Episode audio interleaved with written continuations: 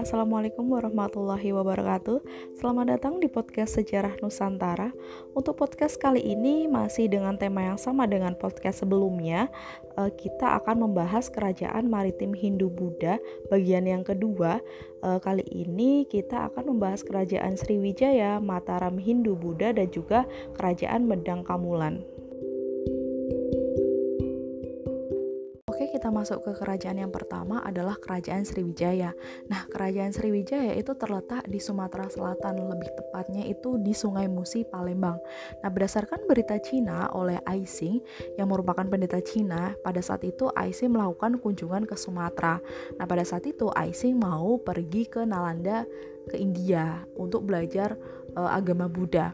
Nah, Aising mengatakan pada tahun 671 dan 695 Masehi melaporkan bahwa Sriwijaya itu menjadi pusat pembelajaran agama Buddha. Nah, Aising juga melaporkan terdapat seribu orang pendeta yang belajar agama Buddha itu pada Sakyakirti. Sakyakirti itu merupakan uh, apa ya, pendeta terkenal di Sriwijaya. Nah, menurut prasasti Kedukan Bukit, Raja Sriwijaya yang bernama Dapuntahiang itu berhasil menaklukkan daerah namanya Minanga Tamuan yang diperkirakan kalau saat ini itu adalah daerah Jambi. Nah, letak Sriwijaya itu cukup strategis sehingga mendorong interaksi antara Sriwijaya dengan kerajaan di luar Nusantara pada saat itu, seperti kerajaan Nalanda dan kerajaan Chola dari India. Nah, selain dengan India, Sriwijaya itu juga melakukan hubungan baik dengan pedagang-pedagang dari Tiongkok, karena pedagang Tiongkok itu melakukan perdagangan di wilayah Nusantara, lebih tepatnya ke Sriwijaya. Nah, karena itulah perluasan wilayah kekuasaan dari kerajaan Sriwijaya itu mendorong perekonomian kerajaan menjadi sangat maju. Sriwijaya itu pernah dipimpin oleh raja yang bernama Balaputra Dewa yang merupakan keturunan dari dinasti Sailendra dari kerajaan Mataram di Jawa Tengah. Nah, di bawah kepemimpinan dari Balaputra Dewa inilah Sriwijaya itu menjadi kerajaan yang bisa dibilang itu sangat berjaya atau mencapai puncak kejayaan.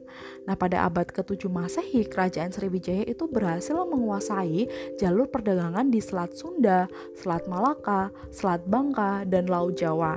Nah, by the way, wilayah dari kerajaan Sriwijaya itu membentang dari Kamboja, Thailand Selatan, Semenanjung Malaya, Sumatera, Jawa, Jawa Barat, dan Jawa Tengah.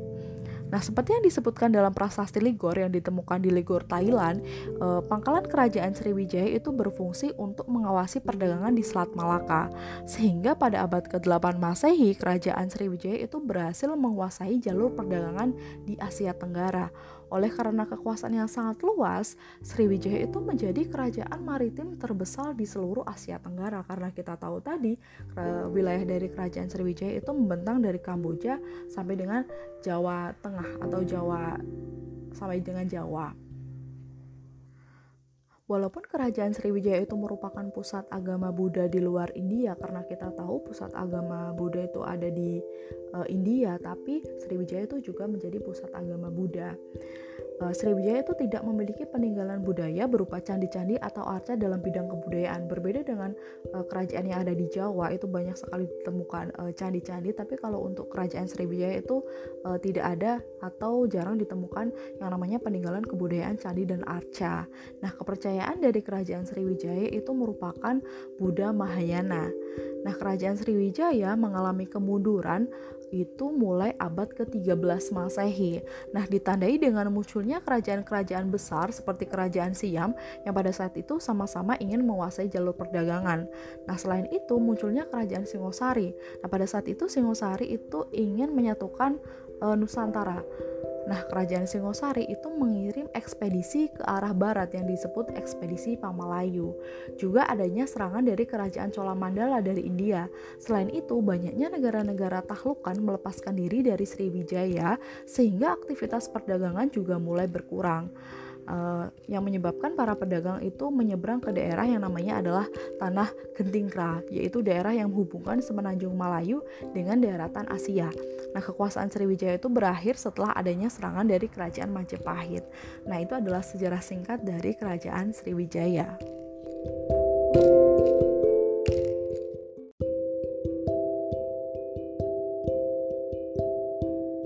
masuk ke kerajaan yang kedua. Kerajaan kedua adalah Kerajaan Mataram Hindu-Buddha.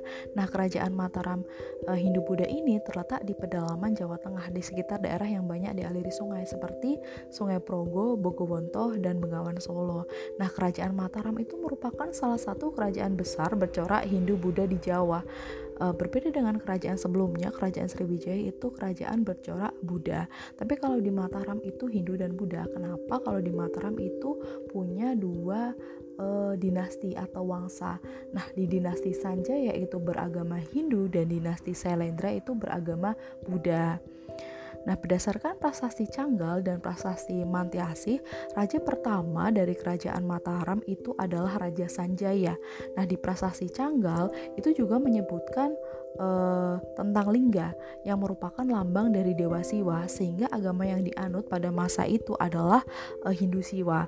Juga kondisi dari uh, Jawa, ekonomi Jawa yang kaya akan padi dan emas dan juga asal usul dari Raja Sanjaya. Nah, setelah Raja Sanjaya meninggal, pemerintahan itu digantikan oleh Rakai Panangkaran yang naik tahta. Nah, ada dugaan pada masa pemerintahan dari Rakai Panangkaran, eh, dinasti Selendra ini kan uh, dari kerajaan Sumatera atau kerajaan Sriwijaya itu menguasai Mataram dan menjadikan raja-raja dari dinasti Sanjaya itu sebagai raja bawahan dari Sriwijaya. Nah, walaupun menguasai dinasti Sanjaya, uh, dinasti atau wangsa Sailendra ini tetap memperlakukan dinasti Sanjaya itu dengan rasa hormat dan memberi kedudukan atau posisi penting di istana. Menurut prasasti Mantiasi, nah pada masa pemerintahan dari Rakai Panangkaran itu banyak mendirikan candi-candi seperti Candi Sewu, Pelausan, dan Kalasan. Nah kalau kita lihat dari struktur bangunannya, candi-candi tersebut itu e, bercorak Buddha. Nah ada cerita yang mengatakan bahwa pada saat itu Buddha adalah agama yang dianut kerajaan Sriwijaya. Nah kuat dugaan bahwa Rakai Panangkaran itu pindah ke agama Buddha ketika Mataram dikuasai oleh dinasti Sailendra atau Sriwijaya. Walaupun seperti itu, di bawah dinasti Sailendra, toleransi beragama di Mataram itu tetap terjaga. Hal tersebut dibuktikan dengan candi-candi di wilayah Jawa Tengah bagian utara itu bersifat Hindu, sedangkan candi-candi di wilayah Jawa Tengah bagian selatan itu bersifat Buddha. Nah, selanjutnya, menurut prasasti Kelurah itu sepeninggal dari Rakai Panangkaran, Mataram itu diperintah oleh Raja eh, Daranindra atau Raja Indra dari Wangsa Sailendra. Nah, setelah Raja Indra itu kekuasaannya diturunkan oleh Raja Sama Samaragrawira. Nah, Raja Samaragrawira itu mempunyai dua orang putra yaitu Samaratungga dan Balaputra Dewa.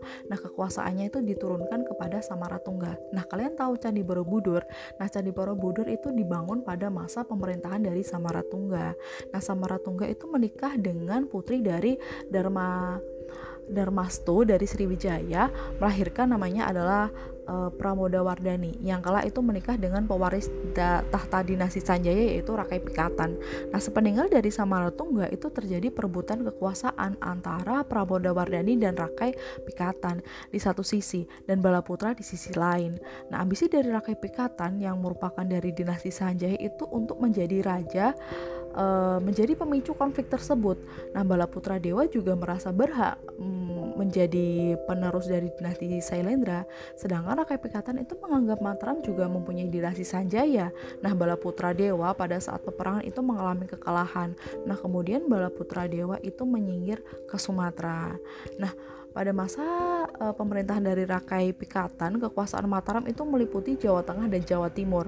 Nah, semangat kebudayaan Hindu itu dikehidupkan kembali karena kita tahu Rakai uh, Pikatan itu beliau beragama Hindu. Kemudian agama uh, kebudayaan Hindu itu dihidupkan kembali karena kita tahu uh, dinasti Sanjaya itu adalah agama Hindu dengan dibangunlah Candi Prambanan. Kalau kalian tahu uh, pernah mengunjungi Candi Prambanan, Candi Prambanan itu berasal dari uh, pemerintahan uh, Rakai Pikatan atau dibangun itu pada masa pemerintahannya dari Rakai Pikatan.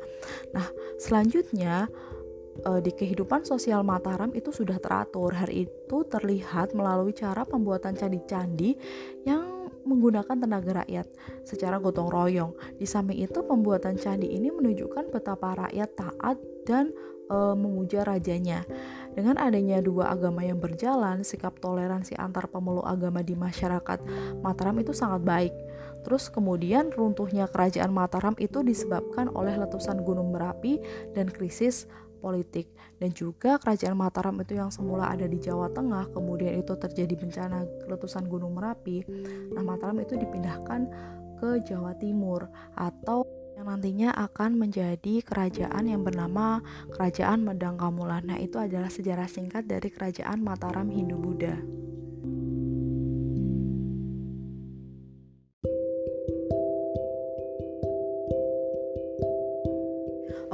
masuk ke kerajaan yang terakhir adalah kerajaan Medang Kamulan. Jadi kerajaan Medang Kamulan itu adalah kerajaan Mataram Hindu-Buddha di Jawa Tengah kemudian dipindahkan ke Jawa Timur. Jadi kerajaan Medang Kamulan itu terletak di Jawa Timur, tepatnya di muara Sungai Berantas.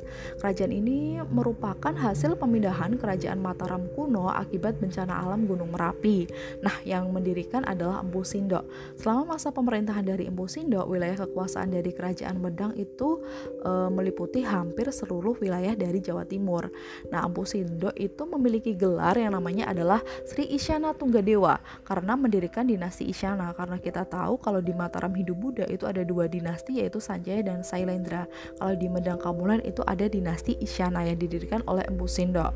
Nah, Empu Sindo merupakan keturunan dari dinasti Sanjaya yang merupakan menantu dari Raja Wawa. Nah, diceritakan bahwa pemindahan dari Mataram ke Jawa Timur itu disebabkan terjadinya letusan Gunung Merapi tadi ya, disertai gempa bumi dan hujan material vulkanik dan memporak-porandakan sebagian besar dari wilayah Jawa Tengah atau Mataram Hindu Buddha di Jawa Tengah. Nah, pada masa pemerintah dari Empu Sindo itu aktivitas perdagangan cukup tinggi di Jawa Timur. Uh, ada hal yang perlu kita teladani dari apa yang dilakukan oleh Empu Sindo untuk bidang sosial budayanya. Empu Sindo itu mencontohkan bagaimana sikap toleransi Nah, salah satu bentuknya itu adalah ketika Ampu Sindo itu mengizinkan penyusunan kitab agama Buddha yaitu kitab Sahyang Kamahayanikan e, padahal pada saat itu Ampu Sindo adalah penganut agama Hindu. Nah, Ampu Sindo itu digantikan oleh e, Dharma Wangsa yang pernah menyerang Sriwijaya dan menguasai pesisir pantai Sriwijaya. Nah, pada masa pemerintahan dari Dharma Wangsa uh, pemerintahannya itu aktivitas perdagangan itu meluas uh, sampai keluar daerah Jawa Timur. Nah, selanjutnya pada tahun 1016 Masehi, Medang Kamulan itu mengalami pralaya. Nah, pada saat itu diadakan pesta pernikahan antara dari Putri Dharma Wangsa dan Airlangga. Jadi pada saat pesta berlangsung, tiba-tiba itu dari kota Watan itu diserbu Raja Wurawari yang merupakan sekutu kerajaan Sriwijaya. Karena kita tahu Dharma Wangsa itu e, menyerang Sriwijaya, sehingga Sriwijaya itu balas dendam ke e, Medang Kamulan. Nah, dalam serangan itu Dharma Wangsa dan seluruh anggota keluarga dari istana itu tewas, sedangkan Erlangga itu lolos uh, dan kabur itu bersama dengan Empu Narotama. Nah, tidak lama kemudian Erlangga itu dinobatkan sebagai raja oleh para pendeta pada tahun 1019 Masehi dan membangun pusat kerajaannya itu di Kahuripan.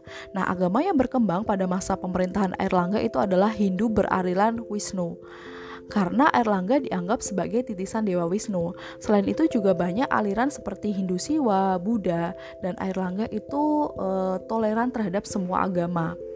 Pada masa pemerintahan dari Erlangga, karya-karya sastra itu berkembang. Di antaranya itu ada kitab Arjuna Wiwaha yang ditulis oleh Empu Kanwa, yang isinya itu adalah e, usaha Erlangga untuk meningkatkan kesejahteraan bedang setelah terjadinya pralaya. Uh, jadi Selanjutnya, sebelum mengundurkan diri sebagai raja, Airlangga itu membagi dua kerajaan kepada dua putranya. Kerajaan Jenggala kepada Mapanjigara Sakan dengan ibu kota Kahuripan dan kerajaan Panjalu kepada Sri Samara Wijaya dengan ibu kota Daha. Hal tersebut dilakukan Erlangga itu untuk menghindari pertumpahan darah karena perebutan tahta yang sering terjadi. Nah, Erlangga sendiri itu kemudian menjadi pertapa dan wafat pada tahun uh, 1040 9 Masehi, di pemakamannya di Candi Belahan, Erlangga itu digambarkan sebagai Dewa Wisnu yang sedang mengendarai burung Garuda. Nah, itu adalah sejarah singkat dari kerajaan e, Medang Kamulan.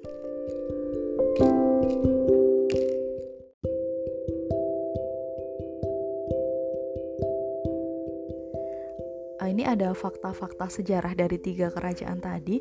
Fakta yang pertama adalah pertengahan abad ke-10 itu ada Dewa Paladewa, raja dari Benggala di India itu menerbitkan prasasti Nalanda yang mana isinya itu adalah tentang permintaan dari Raja Sriwijaya Balaputra Dewa dari uh, Sumatera kepada Dewa Paladewa untuk mendirikan wihara di Nalanda. Nah, menurut prasasti Nalanda, ayah dari Balaputra Dewa itu adalah raja Jawa dari uh, dinasti Sailendra bernama Samara Gawira. Uh, putra dari tokoh yang berjuluk Wira Wairi Matana atau pembunuh musuh perwira. Nah, ibunya adalah Putri Tara dari uh, dinasti Somawangsa. Nah, putri dari Dharma Setu. Soma ini adalah wangsa di Sumatera. Kalau di Jawa itu ada Sailendra, nah Bala Putra Dewa itu punya hak bertahta di Sumatera. Dia hanya kembali ke asal e, ibunya, asal daerah dari ibunya yang memang orang Sumatera. Nah, kenapa Bala Dewa itu bisa sampai ke Sriwijaya?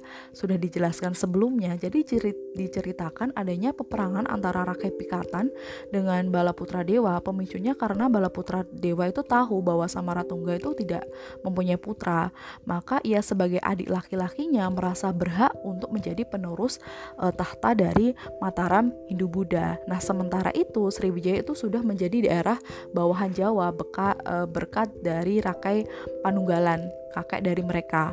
Nah, nama sang kakek itu muncul dalam prasasti Ligor yang ditemukan uh, di Ligor, Thailand. Thailand Selatan. Nah, salah satu daerah kekuasaan Sriwijaya karena setelah kalah dari Rakai Pikatan, Balaputra Dewa itu menyingkir ke Sumatera. Fakta selanjutnya, di Prasasti Canggal itu juga mengisahkan bahwa sebelum Sanjaya bertahta itu sudah ada raja lain bernama Sana yang memerintah Pulau Jawa dengan adil dan bijaksana. Nah, setelah Sana meninggal, uh, karena gugur diserang musuh, keadaan itu menjadi kacau. Sanjaya itu putra dari Sanaha, saudara perempuan dari Sana. Kemudian diangkat sebagai raja.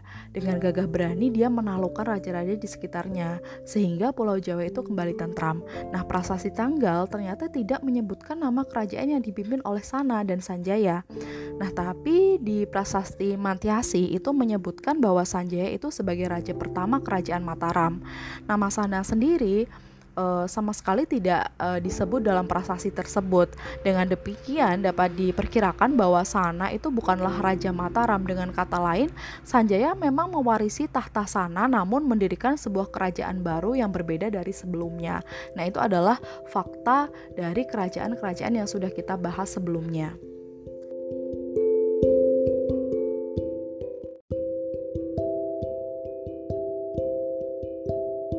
Itu adalah sejarah singkat dari masing-masing kerajaan yang kita bahas pada podcast kali ini.